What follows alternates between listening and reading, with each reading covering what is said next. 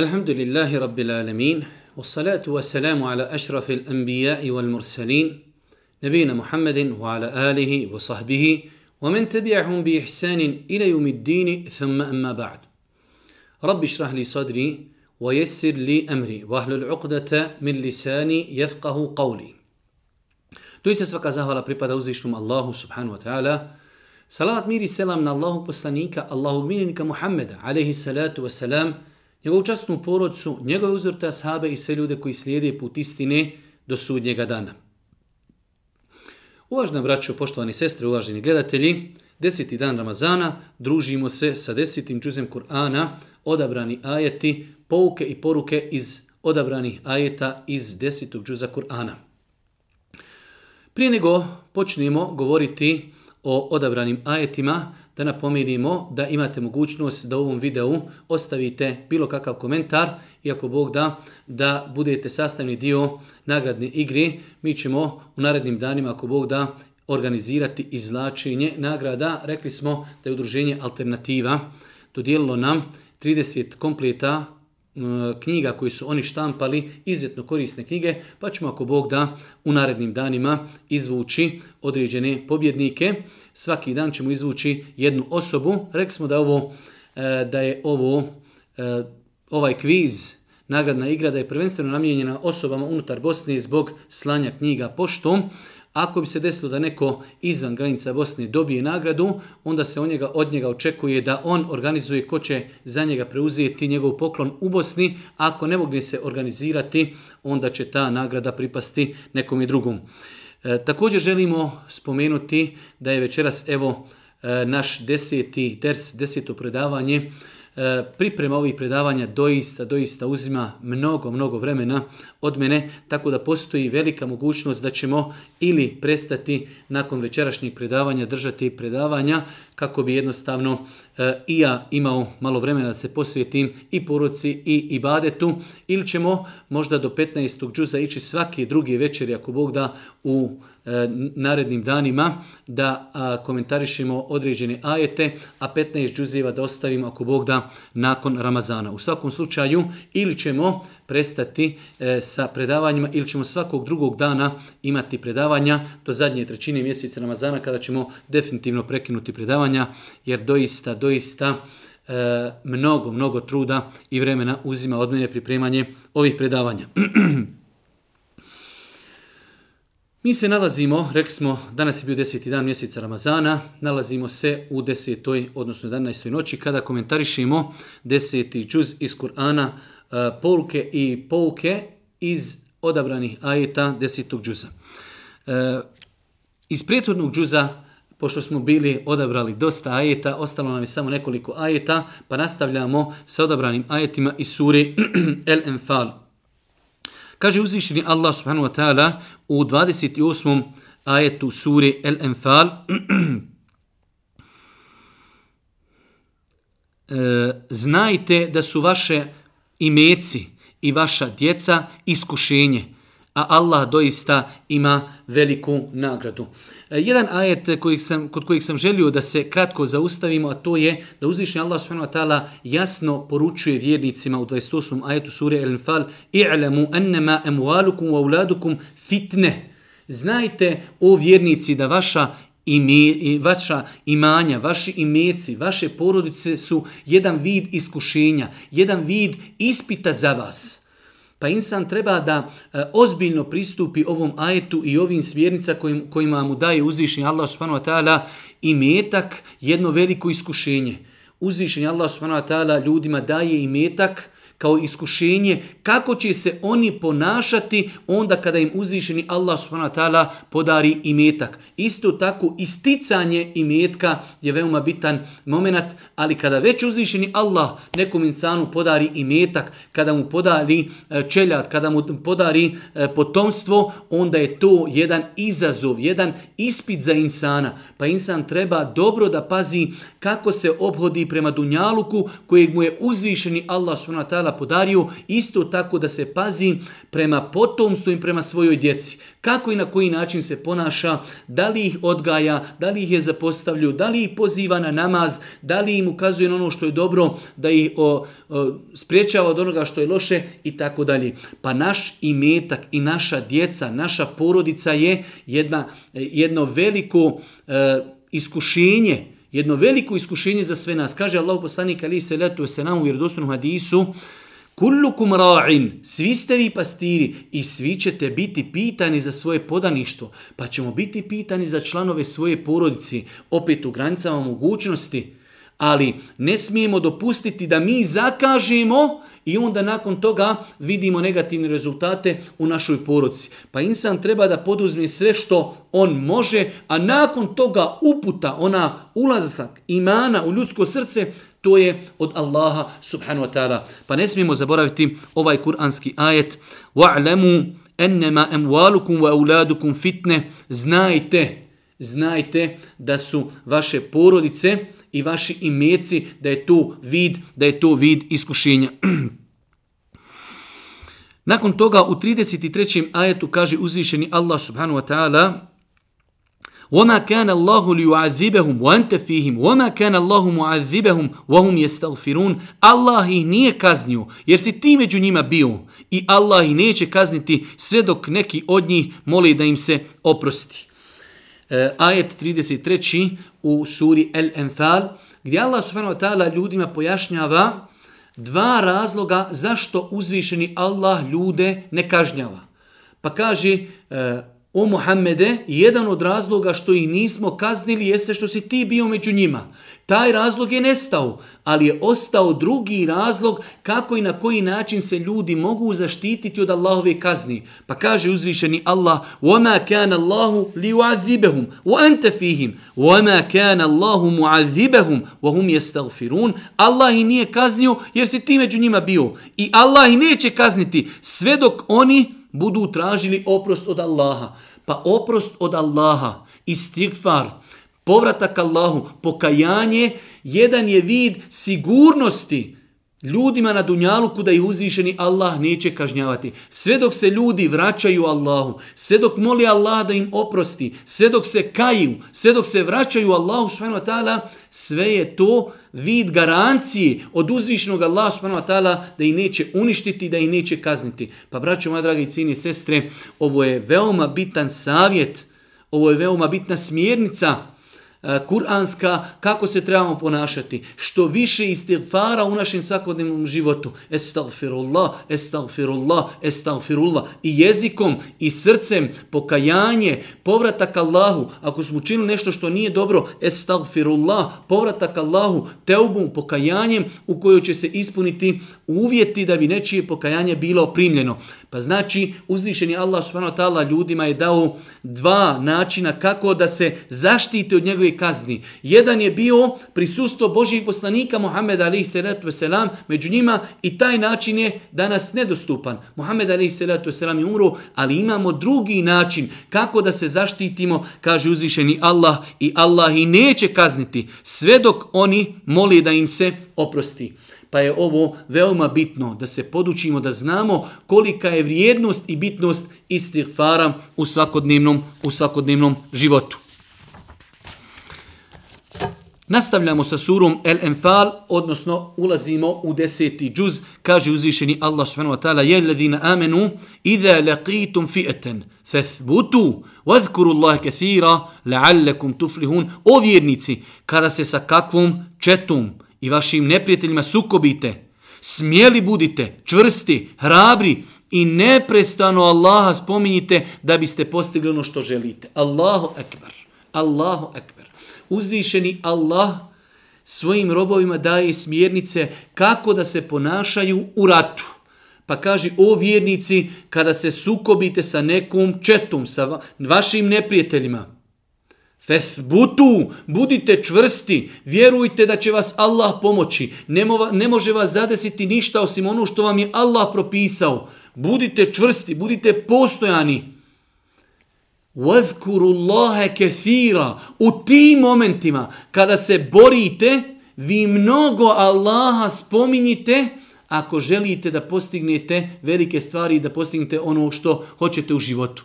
Pa braćo, moja draga i cijeni sestre, ovaj ajet smo citirali kao vrijednost spominjanja Allaha subhanahu wa ta'ala zikrullah. Allah Đelešanu svojim robovima naređuje da Allaha veličaju kada dođe do kada dođe do sukoba, oni koji su bili u ratu znaju kakvi su teški momenti kada nastupe akcije, kada nastupi rat, kada se gine, Allah Đelšanu tada kaže وَذْكُرُ اللَّهَ كَثِيرًا Tada Allaha mnogo spominjite. Svoja srca vezujte za uzvišnog Allaha, od njega mo pomoć molite i tražite, njega se sjećajte. Allahu ekber. Ako je uzvišeni Allah naredio vjernicima da Allaha veličaju i da ga spominju u ratu, da ga spominju kada dođe do sukoba između dvije skupine, šta mislite kako je potrebno da mi veličamo Allaha kada imamo blagostanje, kada smo u miru, kada sjedimo u svojoj kući, nemamo nikakvih obaveza, da veličamo Allaha riječima subhanallah, alhamdulillah, Allahu Ekber, la hawla wa la kuvata illa billah, la ilaha illa Allah, Muhammadur Rasulullah i tako dalje. Subhanallahi ve bihamdihi, subhanallahi l'azim i tako dalje. Pa insan vjernik treba da se navikava, da slobodno vrijeme koristi veličajući uzvišenog Allah subhanahu wa ta'ala, mi smo nedavno održali jedno kompletno predavanje u kojem smo govorili samo o vrijednosti zikrullaha, veličanja uzvišenog Allah subhanahu wa ta'ala, pa jedan od dokaza koji kazuje na vrijednost veličanja Allaha jeste i to da je uzvišeni Allah u suri Al-Enfal kada ljude podučava kodeksu ponašanja prilikom rata, borbe, džihada, kaže fezkurullaha kathira u tim teškim momentima vi mnogo Allaha veličajte i mnogo, mnogo ga spominjite da biste postigli ono što želite. Nakon toga u 46. majetu kaže uzvišeni Allah wa ati'u Allahe wa rasulehu wa la rihukum wasbiru inna Allaha ma sabirin. Jedan ajet kratak koji nosi mnoge koristi pouke i poruke za nas. Kaže uzvišeni Allah i pokoravajte se Allahu pokoravajte se njegovom poslaniku. I ne prepirite se da ne biste klonuli i bez borbenog duha ostali i budite strpljivi jer Allah je zaista na strani strpljivih. kada bi imali vremena da komentarišimo ovaj ajet pokoravajte se Allahu, pokoravajte se njegovom poslaniku. To je menheđ, to je pravac. Vjernik, kada čuje o vjernici, on preispituje sebe. Ima li mene gdje u tom ajetu? O vjernici, pokoravajte se Allahu, pokoravajte se njegovom poslaniku. Koliko smo pokorni Allahu, koliko učimo Kur'an, koliko puta kada naiđemo na ajet, koliko smo se preispitali, koliko smo puta donijeli odluku da to više nećemo činiti, koliko smo hadisa čuli gdje nam Allah poslanik zabranjuje određene stvari, da li smo se pokorili. Put uspjeha, put prosperiteta, put sreći, zadovoljstva, jeste pokornost Allahu, pokornost njegovom poslaniku. Pa kaže uzvišeni Allah i pokoravajte se Allahu i poslaniku njegovu. I ne prepirite se Allahu akbar i nemojte se prepirati. Pogledajte kolika je pogubnost e, prepirke. Wala tenaze'u fetefšelu. Da ne biste klonuli. Nemojte se prepirati pa ćete klonuti. Wa tezhebe rihukum. Ostaćete bez borbenog duha. Tako je prevedeno. Ostaćete bez borbenog duha. Ali bukvalno prevedeno. Wa tezhebe rihukum. Otiće otiće vaš miris. Allahu ekber. Ako se budete prepirali, toliko ćete se toliko ćete posvađati i toliko ćete se razjediniti da će otići svaki vaš trag, neće miris od vas ostati. U tezhebe rihukum. Nećete biti nikakav faktor. Bez borbenog duha ćete ostati onda kada se budete prepirali i kada se budete svađali. Pogledajte, braćo moja draga, kako uzvišeni Allah odgaja vjernike. Pokorite se Allahu, pokorite se poslaniku. Nemojte se svađati, nemojte se prepirati. kako ne biste klonuli, kako ne biste bez borbenog duha ostali. I budite strpljivi. Wasbiru. Morate biti strpljivi u životu. Strpljivi protiv grijeha, strpljivi protiv šetana, strpljivi na putu kadera, kada nas zadesi nešto, musibet, nedaća, moramo se strpiti i na kraju strpljivi na pokornosti. Pa je strpljenje da budeš pokoran. Nije lako ustati na sabah, nije lako klanjati podni, nije lako postiti, nije lako ići na hađ. Pa je znači, treba nam strpljenje da bi bili pokorni, treba nam strpljenje da bi se e, suprostavili grijesima, šeitanu, protjevima duši, budite strpljivi, osbiru, inna Allahe ma'a sabirin, doista je Allah na strani i sa onima koji su strpljivi i koji su izdržljivi. Pa nam treba strpljenje. Kada nas zadesi kader, treba nam strpljenje protiv grijeha, strpljenje da uradimo ono što nam je naređeno. Strpljenje nam treba na svakom koraku. Pa Allah Đelšanu ređe, osbiru, budite strpljivi i u miru i u ratu. Inna Allahe ma'a sabirin. Allah je doista sa onima koji su strpljivi. On ih pomaže. On je uz njih. Pa vratimo se početku ajeta, kaže uzvišeni Allah i pokorite se Allahu i poslaniku njegovu i ne prepirite se da ne biste klonuli i bez borbenog duha ostali. Da ne biste klonuli kada se muslimani pocijepaju, kada se svađaju, kada se prepiru. Da li neko voli sutra čovjeka sresti s kojim je se cijelu noć svađao i prepirao na internetu? Ili ako uživo se s nekim posađamo? Da li mi to goso, da li ga više volimo? Ili ga prezirimo? Pa Allah Đelešanu zabranjuje vjernicima, kaže وَلَا تَنَازِعُوا فَتَفْشَلُوا I nemojte se prepirati da ne biste klonuli i bez borbenog duha ostali da ne bi وَتَذْهَبَ رِيحُكُمْ da ne bi vas nestalo do te mjere nema mirisa od vas. Nema nikakve snage, niko u vas ne gleda zato što ste pocijepani. Neki dan smo spominjali kuranski ajet وَعْتَصِمُوا بِحَبْلِ اللَّهِ جَمِيعًا i svi se čvrsto Allahovog uža držite. To je recept uspjeha, ovo je recept propasti. Svi zajedno oko čega? Oko Allahovog užeta, oko Kur'ana, oko sunneta, oko morala. Wala tanazu, nemoj da se prepirite, nemoj da se svađate, fetefshelu, pa ćete klonuti, wa tadhhabu rihukum, pa ćete borbeni duh izgubiti. Pogledajte skupi savjeta uzvišenog Allaha subhanahu wa ta'ala. Wasbiru, budite strpljivi. Inna Allahe ma sabirin. Doista je Allah sa onima koji su strpljivi i na strani oni koji su izdržljivi. Nakon toga, kaže uzvišeni Allah u 53. ajetu suri Al-Anfal, "Zalika bi enna Allahe lam jeku mugajiran ni'ameten an'amaha ala qavm, hatta yughayyiru ma bi enfusihim, wa enna Allahe semijun alim. To zato što Allah neće lišiti blagostanje narod kome ga je podario sve dok se on sam ne promijeni, a Allah se čuje i zna. Braćo moja draga i cijeni sestre, Allah Žešanu nakon što je govorio ljudima koje je kaznio, kaže jedno veliko pravilo. Ovo moramo svi naučiti. Kada Allah Žešanu podari ljudima blagodat, blagostanje, kao što imamo blagostanje i blagodati u kojoj mi trenutno živimo, na svakom koraku nijameti i blagodati, mir, blagostanje, imetak, ekonomija, život, porodica, blagodati, blagodati. Pogledajte one ljude kojima su te blagodati uskraćene. Vidite našu braću u Siriji, u Iraku, u Jemenu, u Burmi, u Kašmiru, Palestini. Tek tada vidimo koliko blagodati imamo. Allah kaže neće ljudima blagodati uzet dok se oni ne promijenu. Ne promijenu se na nagori. Allah daje ljudima blagodati, oni pokorni, oni zahvaljuju, te blagodati će im ostati. Ali kada se oni promijenu, kada su oni nepokorni, mogu očekivati odlazak blagodati. Pa kaže uzvišeni Allah,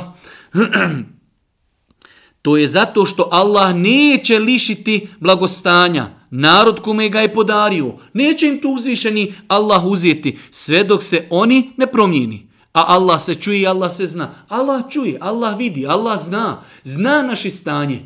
Pa braćo moja draga i cijeni sestre, živimo tako mi Allaha u velikim blagodatima. U komparaciji u kakvom vremenu živimo i kako ima ljudi muslimana na planeti, u kakvim su iskušenjima. Da ne govorimo u kakvim smo blagodatima naspram Božijeg poslanika, ali se letu selam, koji danima nije imao šta da jede, šta da pije i tako dalje. U kakvoj kući je živo, živio, kako skromno je živio, šta je sve jeo, šta je nosio, šta je oblačio i opet je bio zahvalan i bio je pokoran. Pa je način i metoda da ove blagodati sačuvamo, očuvamo, da nam ostanu pokornost Allahu, zahvalnost Allahu, wala in shakartum lazidannakum. Ako vi budete zahvalni i pokorni, mi ćemo vam blagodati povećati, ali minimalno one će vam ostati. Kada Allah blagodati ljudima podari, neće im uzeti te blagodati, sve dok se oni ne, ne promijenu. Ako ljudi imaju blagodati i ljudi su pokorni. Mi imamo problem, mi imamo blagodati, mi smo nepokorni. Bojim se da nam to ne bude onaj isti drađ o kojim smo govorili, da Allah Želšanuhu ljudima dadne dunjaluk. Evo vam! I onda dolazi kazna. Pa, braću, moja draga i cijene sestre, trebamo se preispitati. Uživamo velike nijamete, velike blagodati.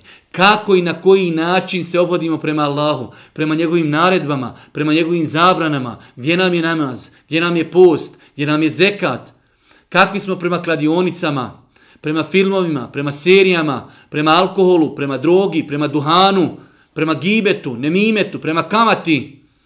Živimo velike blagodati. Ako želimo da nam te blagodati ostanu, onda moramo biti zahvalni, onda moramo biti pokorni uzvišenom Allahu subhanahu wa ta'ala. Nakon toga u 63. i 64. ajetu u suri Al-Anfal kaže uzvišeni Allah i on je sjedinio srca njihova. On, uzvišeni Allah, sjedinio je srca ashaba, nakon što su bili pocijepani, nakon što su vodili ratovi između sebe, eh, eh, Eusi, Hazređ, eh, znači jednostavno to je bilo živo rasulo, uzvišeni Allah je taj koji je spojio srca vjernika, pa kaži i on je sjedinio srca njihova. Da si ti potrošio sve ono što na zemlji postoji, ti ne bi sjedinio srca njihova, ali ih je Allah sjedinio. On je zaista silan i mudar, o vjerovjesniće. Allah je dovoljan tebi i vjernicima koji te slijedi. Allahu ekber. Allah Đelešanhu kaže Božijem poslaniku, o Boži poslaniće, bez obzira što si ti poslanik, bez obzira što si lijepog ahlaka, bez obzira što si lijepog morala i što su tvoje metode ispravne, da si potrošio sve što je na zemlji. Znate li kolike su blagodati na zemlji, koliko ima, što bi rekao, materijalnih mogućnosti na zemlji. Allah Jošan kaže poslaniku da si utrošio sve što ima na zemlji, da ujediniš i zbližiš njihova srca, toliko su bili udaljeni, ne bi ti to mogu učiniti. Ali je to uradio učinio ko? Allah. Opet se vraćamo na onu temu, ljudska srca, sa njima upravlja uzvišeni Allah. Ovo nam je bitno, ovo mora da znamo, da bi molili Allaha da učrsti naše srce, da nas uputi, nemoguće je, nemoguće je, jer je uzvišeni Allah apsolutno pravedan, da dođe čovjek, da moli i da plaći, iskreno, kaže, ja rab, uputi me, ja rab, od tebe tražim, moje srce otvori za islam i da mu Allah ne otvori puteve islama. Nemoguće. Pa se stvar vraća našim srcima, a naša srca njima upravlja uzvišeni Allah.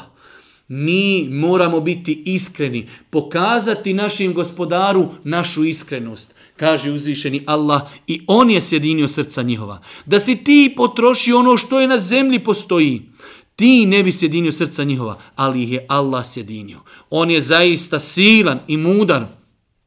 O vjerovjesniće, hasbuke Allah, Allah ti je dovoljan ali je dovoljan i vjernicima koji te slijede. Allahu poslaniće, dovoljan ti je uzvišeni Allah.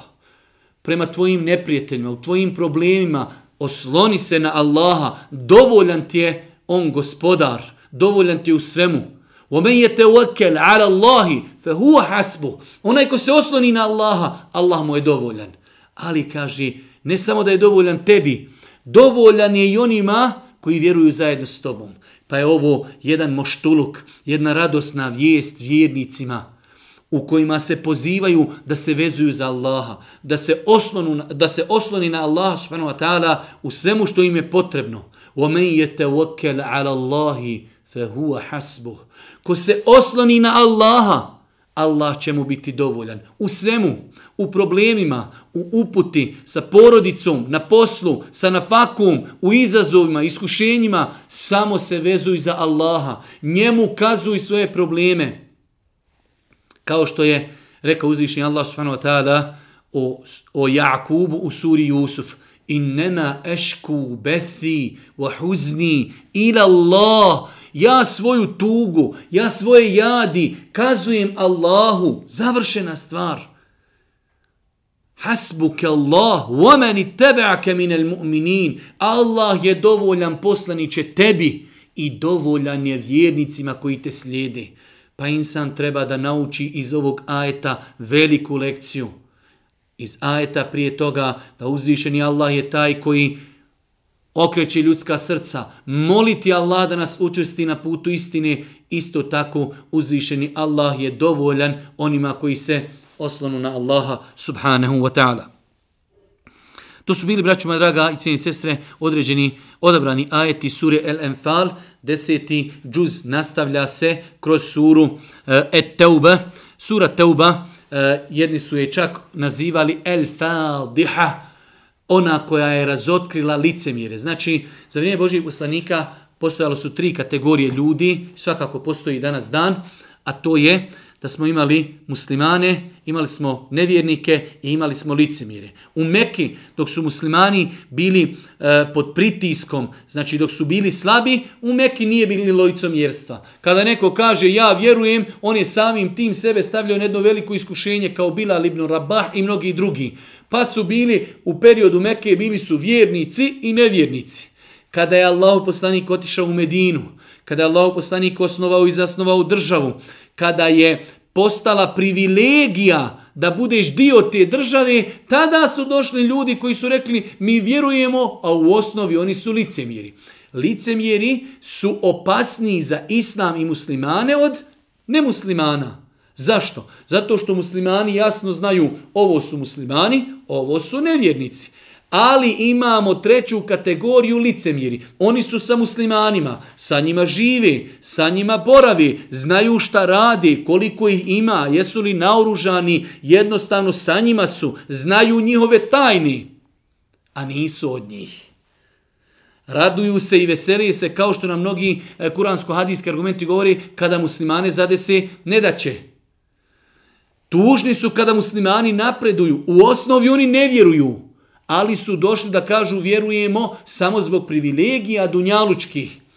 Pa je sura El uh, Et Teube došla da razotkrije svojstva licemjera. Znači, zato su islamski učenjaci izvali El Fadiha, ona koja razotkriva.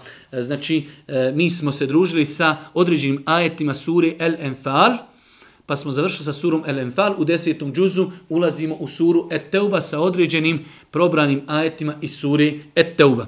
Pa kaže uzvišeni Allah subhanahu wa ta'ala u suri Et Teuba u 25. 6. i 7. ajetu لقد نصركم الله في مواطن كثيرة ويوم حنين إذ أعجبتكم كثرتكم فلم تغن عنكم شيئا وضاقت عليكم الأرض بما رحبت ثم وليتم مدبرين Allah vas je na mnogim bojištima pomogao, a i onoga dana na Huneinu, kada vas je mnoštvo vaše zanijelo, ali vam on nije, ali vam ono nije ni od kakve koristi bilo, nego vam je zemlja, koliko god da je bila prostrana, tjesna postala, pa ste se u bijeg dali.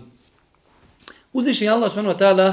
pojašnjava Allahom poslaniku alaihi salatu selam i vjernicima da je on taj koji je muslimane pomagao na mnogim mjestima. Pomogao ih je i onog momenta kada se desila bitka na Huneinu. Znači, Allah poslanik ali se letu veselam kada je osvojio Mekku, desila je se nakon oslobađanja Mekke jedna bitka koja se zove bitka na Huneinu.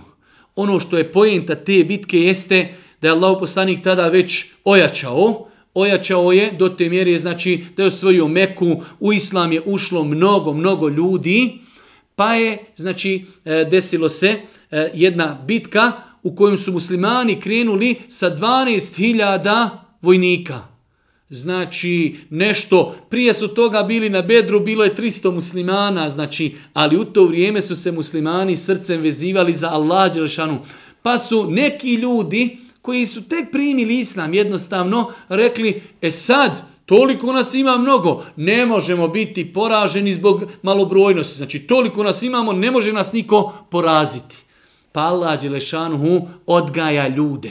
Nemojte se vezivati za brojnost. Treba da se neprestano vezujete u svakom momentu za uzvišenog Allaha subhanahu wa ta'ala, pa kaže uzvišeni Allah, Allah vas je na mnogim bojištima pomogao. I onog dana na Huneinu, kada vas je mnoštvo vaše zanijelo, ali vam ono nije ni od kakve koristi bilo, nego vam je zemlja, koliko god je bila prostrana, tjesna postala, pa ste se u bijeg dali. Znači, Allah poslanik, ali se letu selam, kada je nastupila početak bitke, jednostavno tako su stvari krenule da jednostavno ostao je Allahu poslanik možda sa stotinjak ljudi, ostali ljudi pošto su uletjeli znači u, u, u neku unakrsnu vatru neprijatelja u to vrijeme, pa su se ljudi razbježali, kaže Allah Đelšanu, toliko je zemlja prostrana, ali je vama postala tjesna, nemaš gdje da pobjegneš. Ostao je Allah poslanik se letu selam sa odabranim ashabima, stotinjak ljudi je ostalo sa Božim poslanikom alihi salatu wasalam. Pa je Allah poslanik alaihi salatu wasalam ostao, naredio je da se pozovu ljudi, pa se ljudi vratili, pa su i pobjedili. Ali je pojenta znači da, da u datom momentu ljudi su se vezivali za brojnost. Mislili, mislili su da zbog brojnosti ne mogu biti poraženi. Pa kaže uzvišeni Allah nakon toga, Zatim je Allah na poslanika svoga i na vjernike milo svoju spustio i vojske koje vi niste vidjeli poslao i one koji nisu vjerovali na muke stavio i to je bila kazna za nevjernike. Allah je posle toga onima koje kome je htio oprostio, a Allah prašta i samilostanje. Uzvišenje Allah subhanahu wa ta'ala pomogao je vjernike nakon toga opet sa vojskama, sa melekima. وَمَنْ نَصْرُ إِلَّا مِنْ عِنْدِ اللَّهِ Allah Đelešanu kada govori u suri, e, kada govori o bitci na bedru, kaže mi ćemo vam poslati pomoć, ali opet ne vezujte se ni za meleke. وَمَنْ نَصْرُ إِلَّا مِنْ عِنْدِ اللَّهِ Samo da znate, pomoć isključivo dolazi od Allaha. Pa Allah Žešanu odgaja vjernike da se u najtežim momentima, bilo ih malo, bilo ih puno, kem min fi'etin kaliletin, galebet fi'eten kethiraten, bi iznillah, koliko je mali skupina, porazilo velike skupine, Allahovom dozvolom.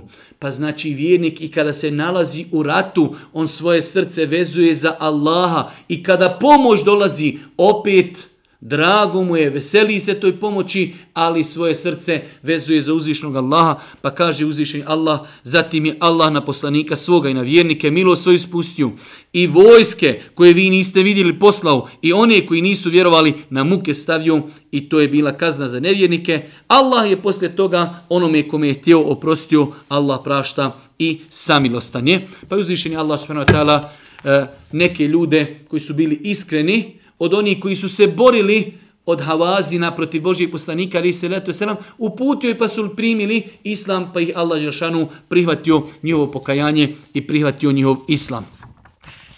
Nakon toga, u 30. i 31. ajetu suri Et-Teube, kaže uzvišeni Allah, rekli smo da uzvišeni Allah s.w.t. kroz suru uh, Ali Imran, kroz suru El-Maide, E, isto tako e, i u suri Teube odgovara na određene određene tvrdnje koje su e, govorili u to vrijeme kršćani i u to vrijeme židovi. Pa kaže uzvišeni Allah subhanahu wa ta'ala, jevreji govori Uzeir je Allahov sin, a kršćani kažu Mesih, Isus, on je Allahov sin. To su riječi njihove iz usta njihovi. Oponašaju riječi nevjernika prijašnjih, ubio ih Allah kud se odmeću. Oni Pored Allaha, bogovima smatraju svećenike svoje i monahe svoje i Mesiha, sina Mirjemina, a neređeno im je da se samo jednom Bogu klanjaju. Nema Boga osim njega, on je vrlo visoko iznad onih koji oni njemu ravnim smatraju. Opet rekli smo da jedna od naj, najbitnijih tema koju tretira Kur'an jeste monoteizam, teuhid ispravno vjerovanje u Allaha subhanahu wa ta'ala, a isto tako odgovor na nejasnoće koje su u to vrijeme iznosili kršćani i židovi. Pa kaže uzvišeni Allah, jevrijeji govori, Uzeir je Allahov sin. Kršćani kažu, Mesih je Allahov sin. To su riječi njihove iz usta njihovi. Oponašaju riječi nevjernika prijašnjih, ubio ih Allah kud se odmeću. Allah Žešan kaže to što oni govori, to je samo naslijeđeno od prijašnjih, od prijašnjih nevjernika, pa se navodi u tefsirima razno razna mišljenja, e, znači od koga su to čak oni naslijedili, čak u nekim tefsirima se navodi da je to od, od mušrika, meke Mekke koji su prija govorili da su meleki, kćeri uzvišenog Allaha subhanahu wa ta'ala, pa su oni došli sa nečim što je slično, pa kažu Uzeir je Allahov sin, E, to su govorili židovi, a kršćani su govorili Isus, on je Allahov sin, pa Allah Đelešanuhu, znači negira apsolutno, apsolutno tačnije ti e, teorije, pa kaže, to su riječi njihove iz usta njihovi, oponašaju nevjernike prijašnjih naroda, ubio ih Allah kuce odmeću. Oni, pored Allaha, bogovima smatraju svećenike svoje i monahe svoje i Mesiha, sina Mirjemina. Ovdje Neko će možda i prigovoriti kao što su prigovorili neki asabi za vrijeme Božijeg poslanika, da kao nismo mi smatrali monahe svoje bogovima. Pa im je Allah poslanik kazao, a zar kada vam oni nešto kažu što je haram, da je halal ili halal je haram, da li ste ih vi u tome slušali? Kaže, jesmo. E, kaže, to je njihovo robovanje i to je uzimanje njih za božanstvo. Jer uzvišeni Allah je jedini taj koji može nešto kazati da je halal ili haram.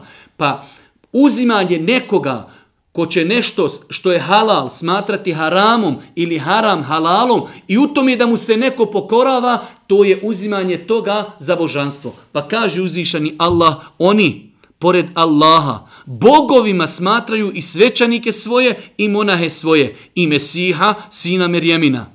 Znači smatrali su i božanstvima na način što su im se pokoravali onog momenta kada bi im stvari koje su dopuštene, oni bi im rekli one su haram, pa bi oni smatrali da su haram. A stvari koji su haram, oni bi im rekli ovo vam je dopušteno, oni su im se pokoravali u tome, pa zbog toga uzvišeni Allah kaže na taj način vi ste njih smatrali božanstvima. Pa kaže uzvišeni Allah, oni pored Allaha, bogovima smatraju svećenike svoje i monahe svoje i Mesiha, sina Merjemina, a naređeno im je da se samo jednom Bogu klanjaju. Nema Boga osim njega. Nakon toga uzvišeni Allah ponovo ponavlja po ko zna koji put tu veliku platformu La ilaha illallah, nema Boga. Njima je naređeno bilo da robuju samo uzvišenom Allahu subhanahu wa ta'ala, a naređeno im je samo da jednom Bogu se klanjaju, nema Boga osim njega. On je vrlo visoko iznad onih koji oni njemu ravni smatraju, daleko, daleko je uzvišeni Allah.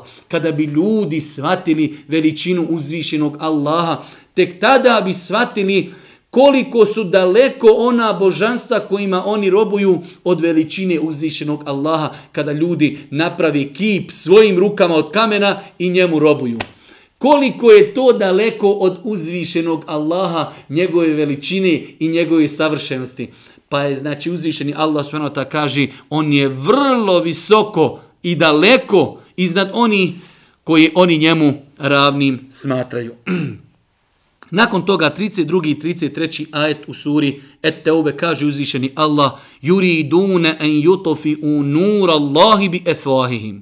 ويأبى الله إلا أن يتم نوره ولو كره الكافرون هو الذي أرسل رسوله بالهدى ودين الحق ليظهره على الدين كله ولو كره المشركون oni želi da ustima svojim utrnu Allahovo svjetlo a Allah želi vidljivim učiniti svjetlo svoje, makar ne bilo po volji nevjernicima. Allahu ekber. Kada danas čovjek pogleda koliko je mašinerije i medija uključeno u borbi protiv islama, definitivno, znači danas se vodi najveća borba na cijeloj planeti protiv islama. Raspuhivanje islamofobije. Ali pogledajte mudrosti uzvišenog Allaha prije 1400 godina da tu njihovu borbu pripisuje njihovim ustima. Pa kaže juridune en yutofi u nur Allahi bi efahim. Oni želi da ustima svoju, svojim utrnu Allahovo svjetlo. Ustima svojim, govorom, medijima, pričanjem. Oni želi ustima svojim da ugase Allahovo svjetlo. Allahovo svjetlo je mnogo veće i, i, i, i šire da bi se moglo ugasiti ljudskim ustima. To vam je primjer da mi sada pušujemo gore prema suncu, hoćemo da ugasimo svijeću sunca. Apsolutno nemoguće. Zašto? Jer je uzvišeni Allah stvoritelj zemlje i nebesa. Mi smo molekule, mi smo atomi, mi smo nevidljivi u poređenju sa kosmosom, sa veličinom uzvišenog Allaha subhanahu wa ta'ala. Pa naš trud, odnosno trud oni koji se trude da ugase Allahovo svjetlo, Allahu vjeru, apsolutno je neisplativ. Pa kaže uzvišeni Allah, oni želi da ustima svojim utrnu Allahovo svjetlo, a Allah želi vidljivim učiniti svjetlo svoje, makar ne bilo povoljne vjernicima. Allah želi da sunce Islama grani. I pogledajte vi sada na svakom koraku. Što više borbe protiv Islama, sve se više ljudi vraćaju vjeri. Što više borbe protiv e, muslimana kroz razno, lazno, kroz razno razno laganje na muslimane i na Islam. Non stop se govori o, islamima, o islamu, o muslimanima, sve više, svakim danom nemuslimani se interesuju za islam. Stanje žene u islamu. Oni non stop govore žena, žena, žena, islam. Žena je u islamu na margini. Žena je zakinuta, žena je i tako dalje. A žene njihove, nemuslimanke, neprestano ulaze u islam pa nisu svjesni tog bumeranga. Oni neprestano blate islam, a ljudima je to razlog da čitaju o islamu, da spoznaju islam, da se vrate islamu. Pa koliko je osoba koji su bili znači na, na vrhu ljestvice oni koji se borije protiv islama, pa oni vrati se islamu i oni private islam pa Allah Đelešanu će dati da svjetlo Islama gori, makar to nekome ne bilo po volji. Zašto? Jer je on gospodar zemlje i nebesa. Pa kaže uzvišeni Allah, on je poslao poslanika svoga sa upustvom, sa uputom i pravom vjerom da bi je izdigao iznad ostalih vjera, makar ne bilo po vjeri mnogobošcima. Allah Đelešanu poslao je Muhammeda alaihi salatu wasalam bil huda sa uputom, Onaj ko hoće da živi sretno i zadovoljno, to je sunnet Božijeg poslanika, to je Kur'an. Wa dinil haq, poslo ga je sa istinskom i pravom vjerom. Neki dan smo govorili, inne dine inda Allahi, el islam, kod Allaha jedina vjera, kod Allaha je ispravna islam. Nakon slanja Muhammed alihi salatu wasalam, derogirane su prethodne objave. Muhammed alihi salam je poslan cijeloj planeti, Allah ga je poslao bil huda sa uputom wa dinil haqq i poslao ga je sa pravom istinom, sa pravom vjerom da bi uzdigao iznad svih drugih, sve druge su derogirane, pa makar to nekome i ne bilo pravo. Kaže se u 51. ajetu suri, suri Et-Tauba قل لن يصيبنا إلا ما كتب الله لنا هو مولانا وعلى الله فليتوكل المؤمنون reci dogodit će nam se samo ono što nam Allah odredi on je gospodar naš i neka se vjernici samo u Allaha pouzdaju opet jedno veliko kuransko pravilo koje će čovjeka razrahatiti u svakodnevnom životu, a to je činjenica da čovjek vjeruje i da bude siguran da ga ne može zadesiti ništa osim ono što mu je Allah propisao i odredio. Ono što ga zadesi, nije ga moglo nikako mimoići. Ono što ga mimoiđi, nije ga moglo nikako zadesiti. Kada čovjek svati te stvari, onda živi u rahatluku, živi zadovoljno, živi bez stresa, bez depresije, bez sikirancije, prekomjerne, on je svjestan, poduzima sve što može, uči, školuje se, ženi se, čuva se, pazi se, ali nakon toga, ono što ga zadesi, on zna da ga nije moglo nikako mimo ići. Ono što ga mimo išlo, nije ga moglo nikako zadesiti. Pa kaže uzvišeni Allah, قُلْ لَنْ يُصِيبَنَا إِلَّا مَا كَتَبَ اللَّهُ لَنَا هُوَ مَوْلَانَا Reci, dogodit će nam se samo ono što nam je Allah odredio. On je naš zaštitnik, on je naš gospodar i neka se vjernici samo u Allaha pouzdaju. Wa ala Allahi falyatawakkalul mu'minun opet se vraćamo onom onom veoma bitnom momentu a to je tevekul oslonac na uzvišenog Allaha. E, vjerujte braćo moje drage cijene sestre da jedna možda od najpotrebnijih lekcija muslimanima današnjice jeste oslonac na Allaha. Bez obzira skoro pa svi mi mi se vezujemo za nešto drugo mimo Allaha. Vezujemo se za bankovni račun, vezujemo se za e, ono što mi posjedujemo od inteligencije, vezujemo se srcem za posao, vezujemo se za prijatelje, poznanike, rođake, poznanike, naša srca su za njih vezana. Islam hoće, Islam nas odgaja da se isključivo vezujemo samo za Allaha subhanahu wa ta'ala. Pa kaže uzvišeni Allah, قُلْ لَنْ يُصِيبَنَا إِلَّا مَا كَتَبَ اللَّهُ لَنَا هُوَ مَوْلَانَا وَعَلَى اللَّهِ فَلْيَتَوَكَّلِ الْمُؤْمِنُونَ Reci, dogodit će nam se samo ono što nam je Allah odredio. On je gospodar i on je naš zaštitnik i neka se vjernici samo u Allaha pouzdaju. Samo u Allah. Onaj ko se pouzda samo u Allaha, Allah će mu biti dovoljan. Nakon toga, 54. ajet u suri Teuba,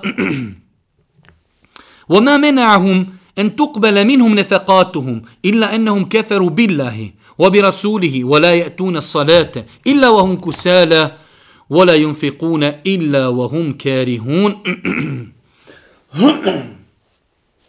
A prilozi njihovi, Allah Žešanu govori o licemjerima. Malo prije smo govorili o licemjerima, da su to osobe koje žive u muslimanskom društvu zbog privilegija koje imaju.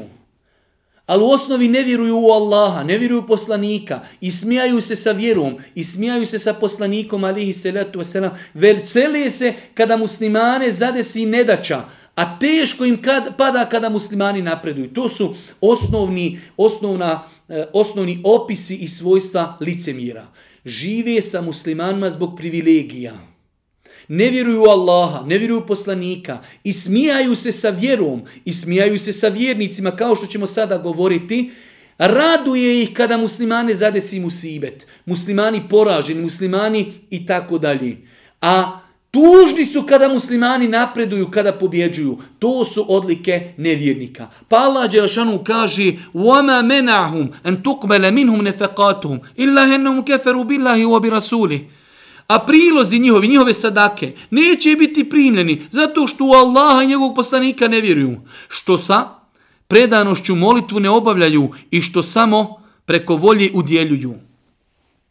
Allah Žešanu upisuje zašto se neće biti primljeni njihovi ibadeti.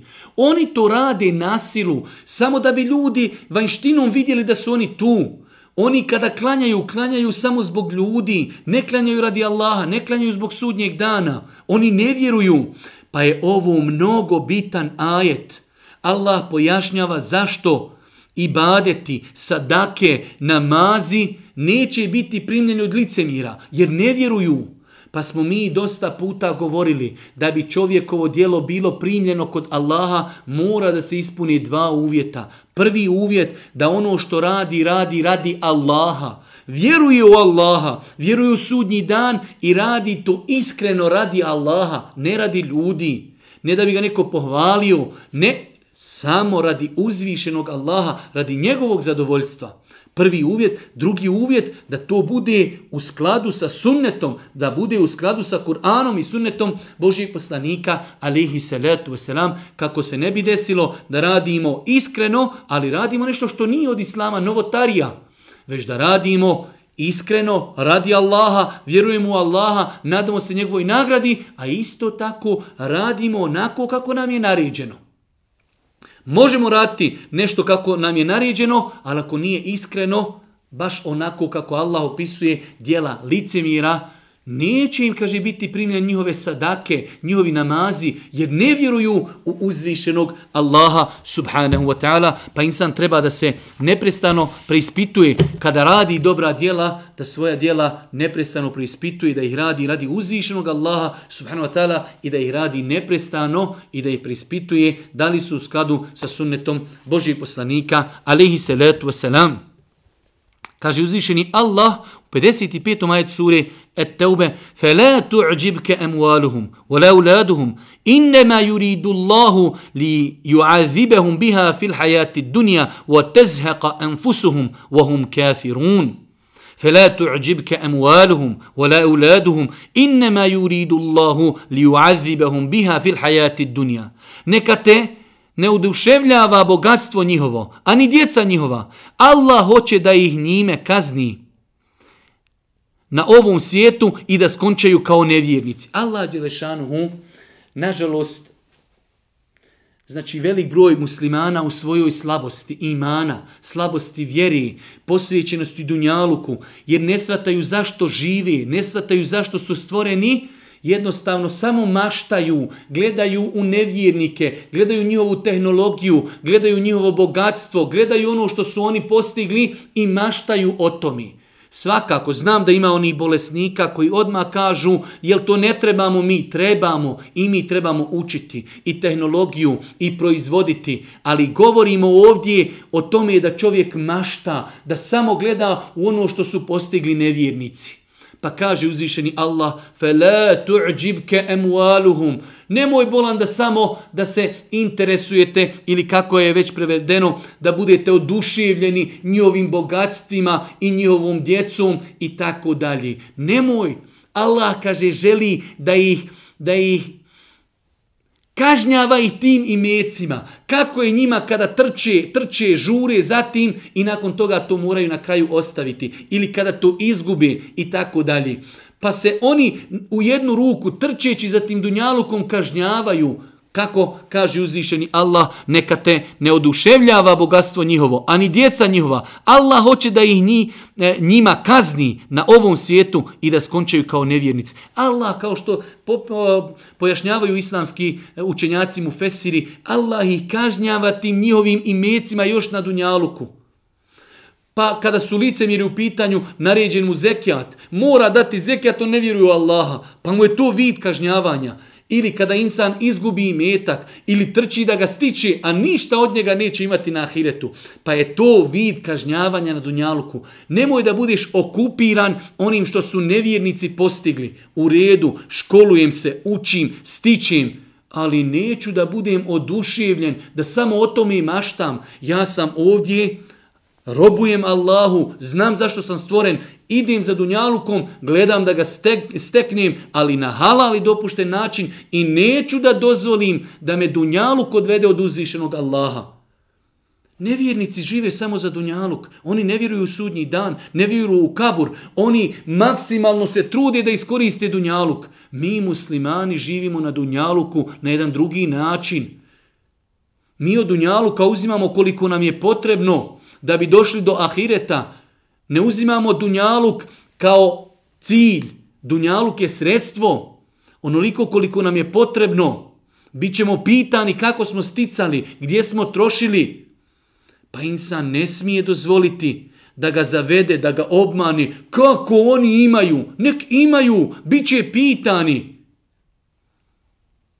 Pa insan ne smije dozvoliti, ovo su smjernice uzvišenog Allaha subhanahu wa ta'ala. Fe Fela tu'đibke, fela tu'đibke mualuhum wa uladuhum i neka te ne obmanjuje njihovo bogatstvo.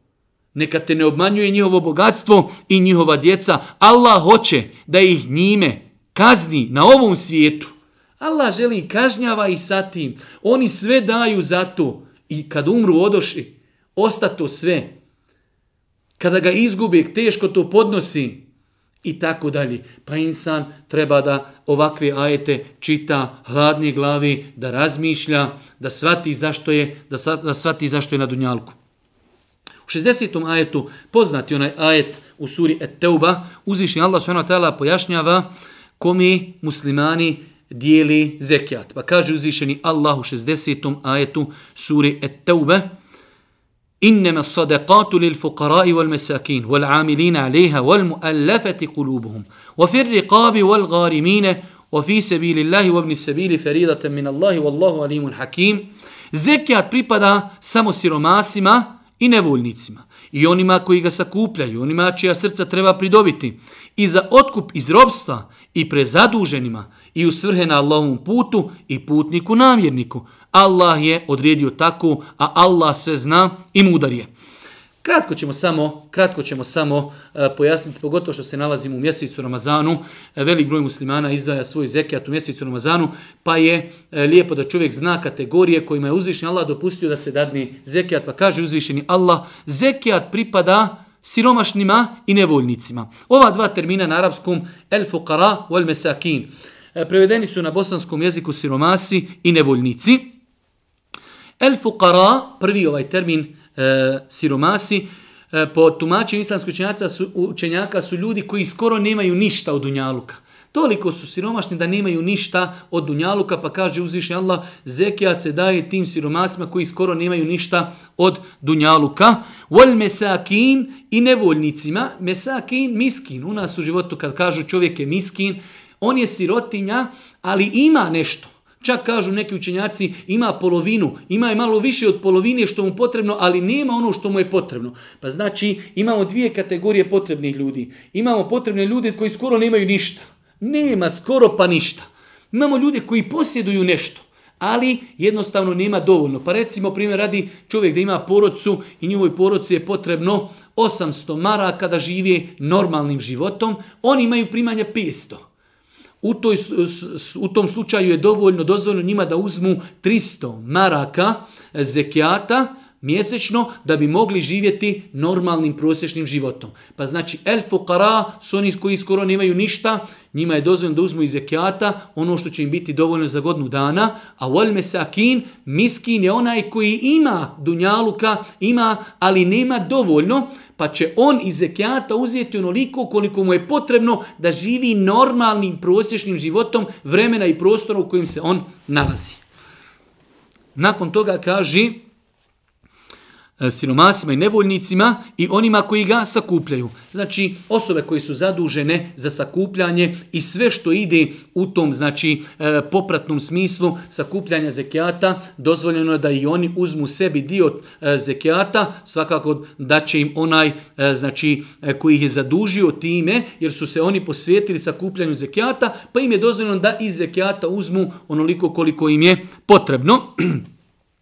I onima čija srca treba pridobiti, znači imate e, osobe koji su ugljedne autoriteti, nisu muslimani, znači treba njihova srca pridobiti za islam, dozvoljeno im je dati iz zekijata da bi se njihova srca pridobila za islam. E, ako ništa čak u datom momentu da se njihovo zlo prema muslimanima umanji, sve to inšala dopušteno iz zekijata. I za otkup iz robstva. Znači, otkup iz robstva, e, to obuhvata tri stvari. Robove koji su sa svojim vlasnicima potpisali ugovor da će isplaćivati sami sebe. Pa takvi robove treba pomoći. E, U današnje vrijeme se misli na zatvorenike, muslimanske, znači zatvorenike dozvoljeno iskupiti e, zekijatom ili e, standardne klasične robove da se otkupe iz robstva. Znači imamo robove koji su napravili ugovor između sebe i e, svoj, svojih vla, e, vlasnika da će se otplaćivati. Takve ljude treba pomoći. E, zarobljenike, muslimane koji nisu robovi, dozvoljeno je znači, e, iskupiti zekijatom i klasične standardne robove.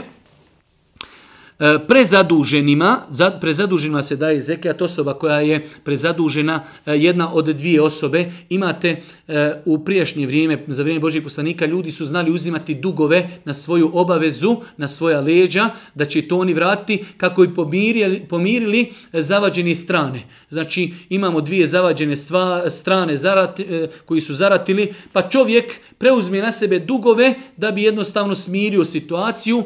U takvoj situaciji, takvoj osobi je dozvoljeno da uzme novac iz zekijata i druge osobe koje su zadužene zato što su imale potrebu za liječenje ili da napravi kuću, da nešto znači e, ima dug kojeg ne može vratiti, e, takvim osobama je dozvoljeno da se pomogne iz zekijata da vrate te dugove i kaže na kraju, odnosno predzadnja e, svrha na Allahom putu u afisi bili lahi, znači sve ono što e, podpomaži borbu na Allahom subhanu wa ta'ala putu potpada pod ovaj termin. Čak velik broj današnjih učenjaka, a nećemo o tome mnogo detaljisati, smatrao je da e, e borba na Allahom putu u današnje vrijeme je dobila jednu, e, jednu novu opciju, a to je znači čak i borba e, riječima i borba znači kroz širenje islama potpada pod ovaj termin. I na kraju putnik, obni sebil, insan koji negdje putuje, pa jednostavno desi se da je ostao bez novca, ne može se vratiti u svoju e, matičnu državu odakle je krenuo, ima pravo da uzme od zekijata novca da bi se vratio svojoj kući. Na kraju kaže uzvišeni Allah, Allah je odredio tako, znači ovih osam kategorija kojima se dijeli zekijat, to je odredba uzvišnog Allah subhanahu wa ta'ala, Allah se zna, Allah je mudar, Allah zna zašto je tim osobama e, dopušteno dati, Allah je mudar i svoje mudrosti je to tako i propisao.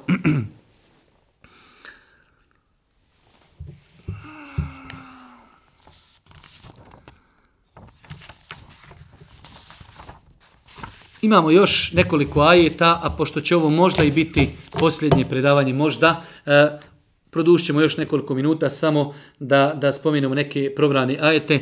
Od 65. do 68. ajeta kaže uzvišeni Allah, e, u događaju kada su se muslimani vraćali sa Tebuka, desio se jedan moment da su svakako bili neki licemir sa Božim poslanikom, ali se letu selam, pa su se ismijavali sa poslanikom, ismijavali su se sa učenim ashabima, govorili su kako su oni pohlijepni, kako su vezani za dunjaluk, kako oni samo jedu, e, kako su strašljivi kada se bori, pa je uzvišeni Allah objavio Božim poslaniku, ali se letu selam, ajete, pa kaže uzvišeni Allah, ako ih zapitaš, oni će sigurno reći, mi smo samo razgovarali i zabavljali se. Reci, zar se niste Allahu i riječima njegovim i poslaniku njegovu rugali?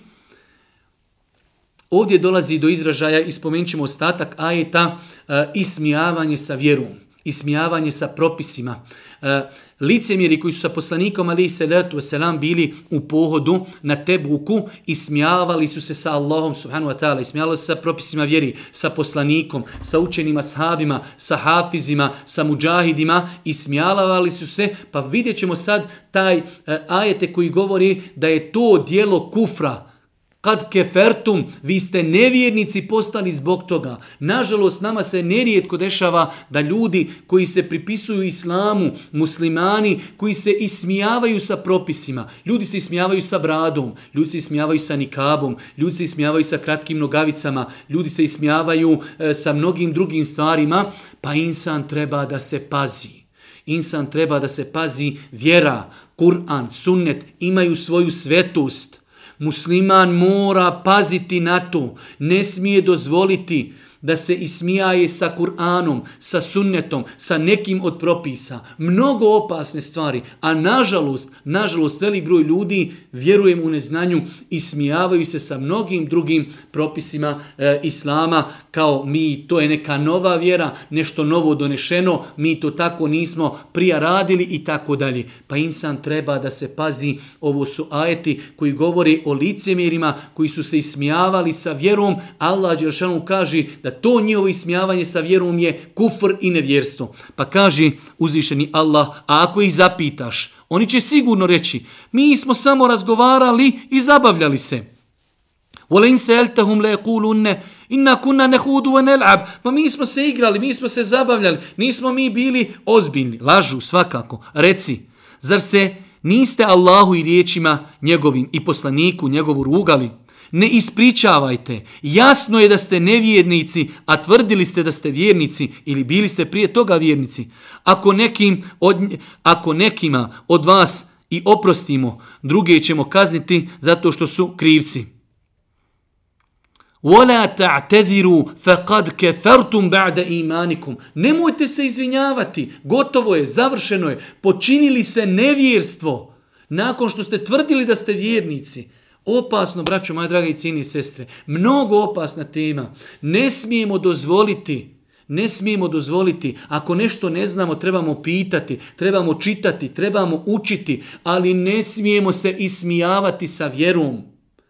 Ne smijemo se ismijavati sa vjerskim propisima, sa hadisima Božih poslanika, sa ljudima koji praktikuju vjeru. Hoćeš li ti praktikovati vjeru ili nećeš, to je tvoje, ali ismijavati se sa vjerom može time čovjek izići iz vjeri. Allah Želšan nakon toga opisuje nevjernike, e, licemjere, pa kaže licemjeri i licemjerke, žene, jedni drugima su štićenici i prijatelji.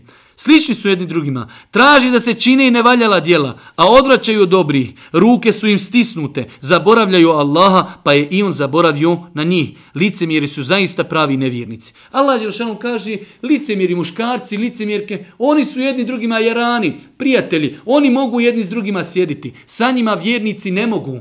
Pa i Allah opisuje, kaže, oni naređuju na zlo. Odvraćaju od dobra. Na koga vas sve to danas posjeća? Imate ljudi, ime mu Haso, Huso, ali koliko promiče danas kufra i nevjerstva i nemorala. Kada vidi dobro i smijaje se sa tim, naređuje na zlo, odvraća od dobra. To su osobine licemira. Na kraju Allah Đelšanu za njih kaže, licemiri su zaista pravi nevjernici. Stisnute su, kaže, ruke. To je svojstveno licemirima. Ne mogu se odvojiti od imetka, jer oni žive za imetak. Musliman, on može dati, jer on vjeruje da ono što dadi, da će naći na sudnjem, na sudnjem danu. Zaboravljaju zaboravljaju Allaha, pa je i on na njih zaboravio. Zaboravljaju licemjeri Allaha, zato što njega ne vjeruju. Pa insan treba da se pazi, da ne bude od onih koji se smijavaju s vjerom, koji su zaboravili na Allaha, koji su stisnute ruke i tako dalje.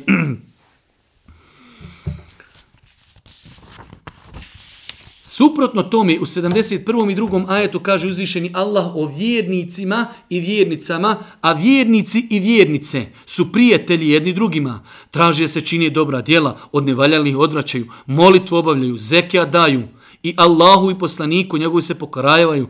To su oni kojima će se Allah sigurno smilovati. Allah doista je silan i mudar. Ste vidjeli kako Allah Đelšanu pisuje nevjer, e, lice mjere? Oni, kaže, navraćaju, naređuju na zlo, a odvraćaju od dobra. A vjernici, mu'mini i mu'minke, oni su jedni drugima prijatelji i pomagači. Oni naređuju na dobro, odvraćaju od zla, oni namaz obavljaju, zekija daju, Allahu i poslaniku su pokorni. To su oni kojima će se Allah sigurno smilovati. Oni koji naređuju na dobro, odračaju od zla, vjeruju u Allaha, pokorni Allahu, pokorni poslaniku.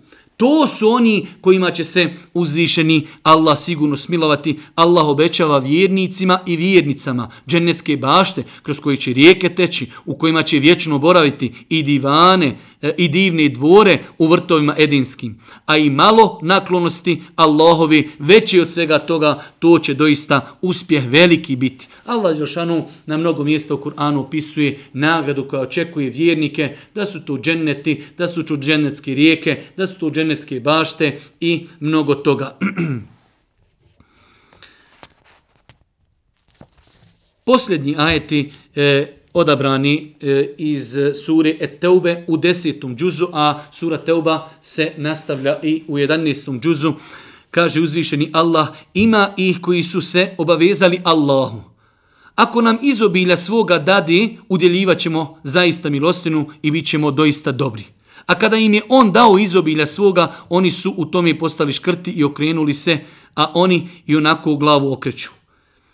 I nadovezao im je on na to licemjerstvo u srcima njihovim sve do dana kada će pred njim stati zato što se onoga što su Allahu obećali ne pridržavaju i zato što stalno lažu. Jedna od osobina licemjera kojom Allah Žešanu opisuje licemjere u Kur'anu jeste da oni Allahu traži i obećavaju da kažu Ja rab daj nam na faku mi ćemo udjeljivati. Pa kaže pa im Allah to dadni pa onda postanu škrti. Ovo, braćo, dragi cijeni sestre, treba svima nama da bude ders. Da je ovo svojstveno lice mirima. Da traži od Allaha, daj nam, daj nam, mi ćemo biti pokorni, mi ćemo biti e, džometni, mi ćemo udjeljivati. Pa im Allah usliša da ovu, pa im dadni, pa oni postanu škrti. Pa kaže, pa ih Allah zbog toga kazni licemjerstvom do sudnjega dana. Pa insan treba da se pazi. Ako već od Allaha traži i moli i obeća svome gospodaru, ja rab, obskrbi me, daj mi, pa ću i ja udjeljivati, onda je veoma bitno da čovjek ispuni ono što je obećao svome gospodaru. Kako se ne daj Bože ne bi desilo da ga zadesi ovakva i slična kazna. Da ga Allah Đelšanu zbog njegovog varanja, kazni licemjerstvom i dalaletom i zabludom. Pa insan vjernik treba da bude pažljiv, da ako nešto moli od Allaha, traži od Allaha, obeća svome gospodaru, onda da to i ispuni. Jer vidimo da ovdje u ovim ajetima uzvišeni Allah opisuje nevjernike, opisuje licemjere, da oni moli, da traži od Allaha i metak, obećavajući da će ga dijeliti. Pa kada im Allah s.w.t. to dadne, oni budu škrti. Molim uzvišnog Allah s.w.t. da nas podući propisima vjeri. Mi smo rekli, postoji mogućnost da je ovo i posljednje naše predavanje, a vidjet ćemo, možda i nastavimo još pet narednih džuzeva da obrađujemo, ali da budu predavanja svaki drugi dan, jer zaista mnogo, mnogo truda iziskuje pripremanje ovih predavanja. Mjesec je Ramazan, svi mi imamo svoju neku obavezu i poročnu, svi želimo da eh, uh, ibadetimo, se posvetimo malo više ibadetu, tako da postoji velika mogućnost da je ovo naše posljednje predavanje. Svakako nakon Ramazana napravili jedan poseban termin gdje ćemo ako Bog da sedmično o, uzimati jedan džuz i odabirati posebne ajete koje ćemo komentarisati na način kako smo to do sada radili, a pokušat ćemo ako mognemo stići, ako Bog da, ako ništa, e, u narednih deset dana Ramazana, svakog drugog dana da tretiramo jedan džuz sa odabranim ajetima. Molim Allah Žešanu da nas uputi napravi put, da nam bude milosti na sudnjim danu, da ukabuli naše ibadete i na kraju, subhaneke Allahume bihamdike, ešhedu in la ilaha illa ente stagfiruke, وأتوب إليك.